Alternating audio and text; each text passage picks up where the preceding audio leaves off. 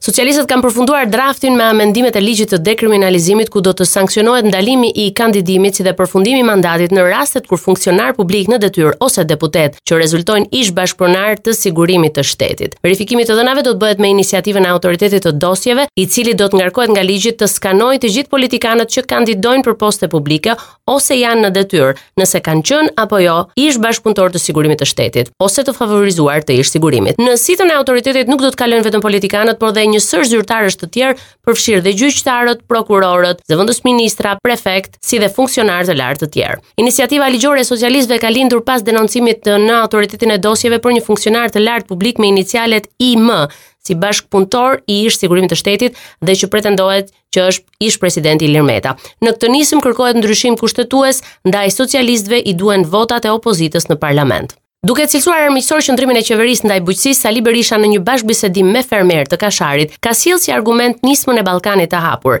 Sipas tij, hapja e pikës doganore për eksportet bujqësore do falimentojë fermerët vendas. Ai foli me shifra dhe iu desh të akuzonte qeverinë jo vetëm për subvencionet në bujqësi dhe blegtori, por edhe në mungesën, sipas tij, të investimeve në fshatra. Kjo qeveri mban një qëndrim armiqësor ndaj fermerëve dhe bujqësisë. Ai sillet me ta si një pushtues.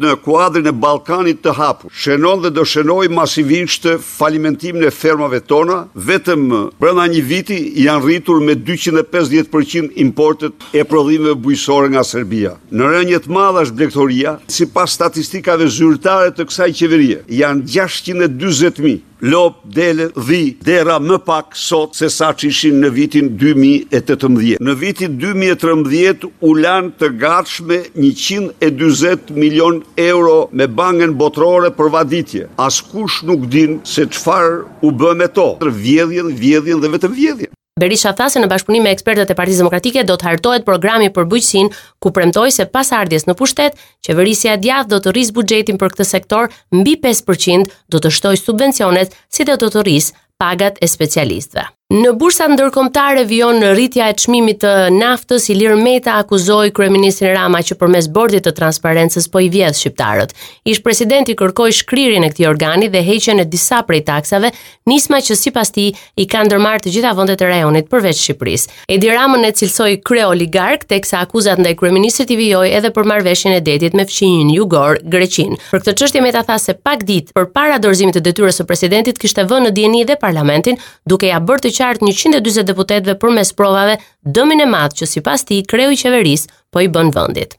Kanë kaluar më shumë se 24 orë nga krimi i vrasjes së Shpati Lenës dhe Hakim Xhezos në Panaja të Vlorës dhe ende nuk ka gjurmë të autorëve. Policia ka shoqëruar 15 persona në cilësinë e personave të dyshuar dhe që mund të ndihmojnë organet hetimore për zbardhjen e atentatit të tipit mafioz. Burime nga policia konfirmojnë se janë duke u parë kamerat e sigurisë deri në momentin e daljes në autostradë për të parë lëvizjen e mjetit ku po udhëtonin dy viktimat, por edhe të mjetit tjetër. Dy vlonjatët u ekzekutuan brenda 2 minutash nga plumbat e tre kallashnikove të cilat u përqendruan tek xhamat anësorë nga krahu i shoferit dhe xhami ballor i makinës. Sipas burimeve të policisë, autorët kanë ndjekur lëvizjen e viktimave prej ditësh. Policia dyshon se autorët janë vrasës me pagesë, të cilët dogjën mjetin pas krimit. Për hetuesit, ngjarja është e mirëmenduar, ndërkohë pista kryesore për motivet është duke u ndjekur ajo e hakmarrjes, por do të verifikohen dhe konflikte të tjera të dy viktimave si dhe përfshirja në çështje të drogës. Hakim Xhezo është vëllai i shtetasit Eduard Xhezo, që ndodhet në burg si autor i vrasjes së Arben Beqirajt në Vlorë në vitin 2019 pas një konflikti të nisur për një kalë,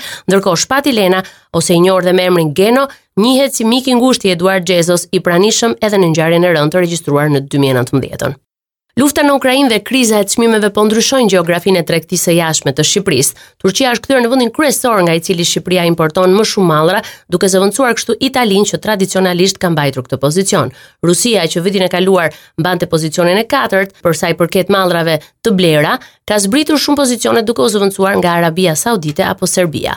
Në të vërtetë, tregtia me Rusinë është tkurrur ndjeshëm si pasojë dhe sanksioneve të vendosura nga Bashkimi Evropian dhe Shtetet e Bashkuara të Amerikës, Shqipëria ka importuar shumë pak mallra nga kjo federatë. Rënie të ndjeshme kanë pësuar dhe importet nga Ukraina, nga vendi i përfshirë në luftë që prej 24 shkurtit janë blerë në 7 muaj mbi 6000 tonë mallra, më pak se në të njëjtën periudhë të një viti më parë, teksa kontinenti i vjetër gjendej në paqe.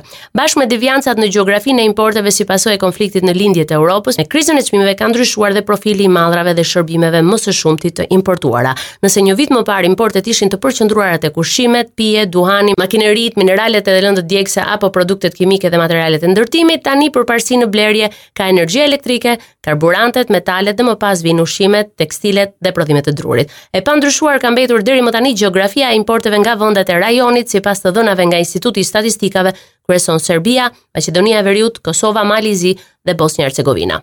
Ndahet nga jeta në moshën 89 vjeçare kineasti Kristaq Dhamo, ai është regjizori dhe skenaristi i filmit të parë shqiptar me metrazh të gjatë Tana, prodhuar në vitin 1958. Dhamo është ndarë nga jeta në Shtetet e Bashkuara të Amerikës ku ishte zhvendosur prej vitesh bashkë me familjen. Nën regjinë dhe skenarin e tij janë prodhuar mjaft filma të njohur shqiptarë si Botë e padukshme, Vendimi, Qortimet e vjeshtës, Mëngjese lufte dhe shumë realizime të tjera në fushën e kinematografisë shqiptare. Raportoi nga Tirana për Radio SBS Gerta Heta.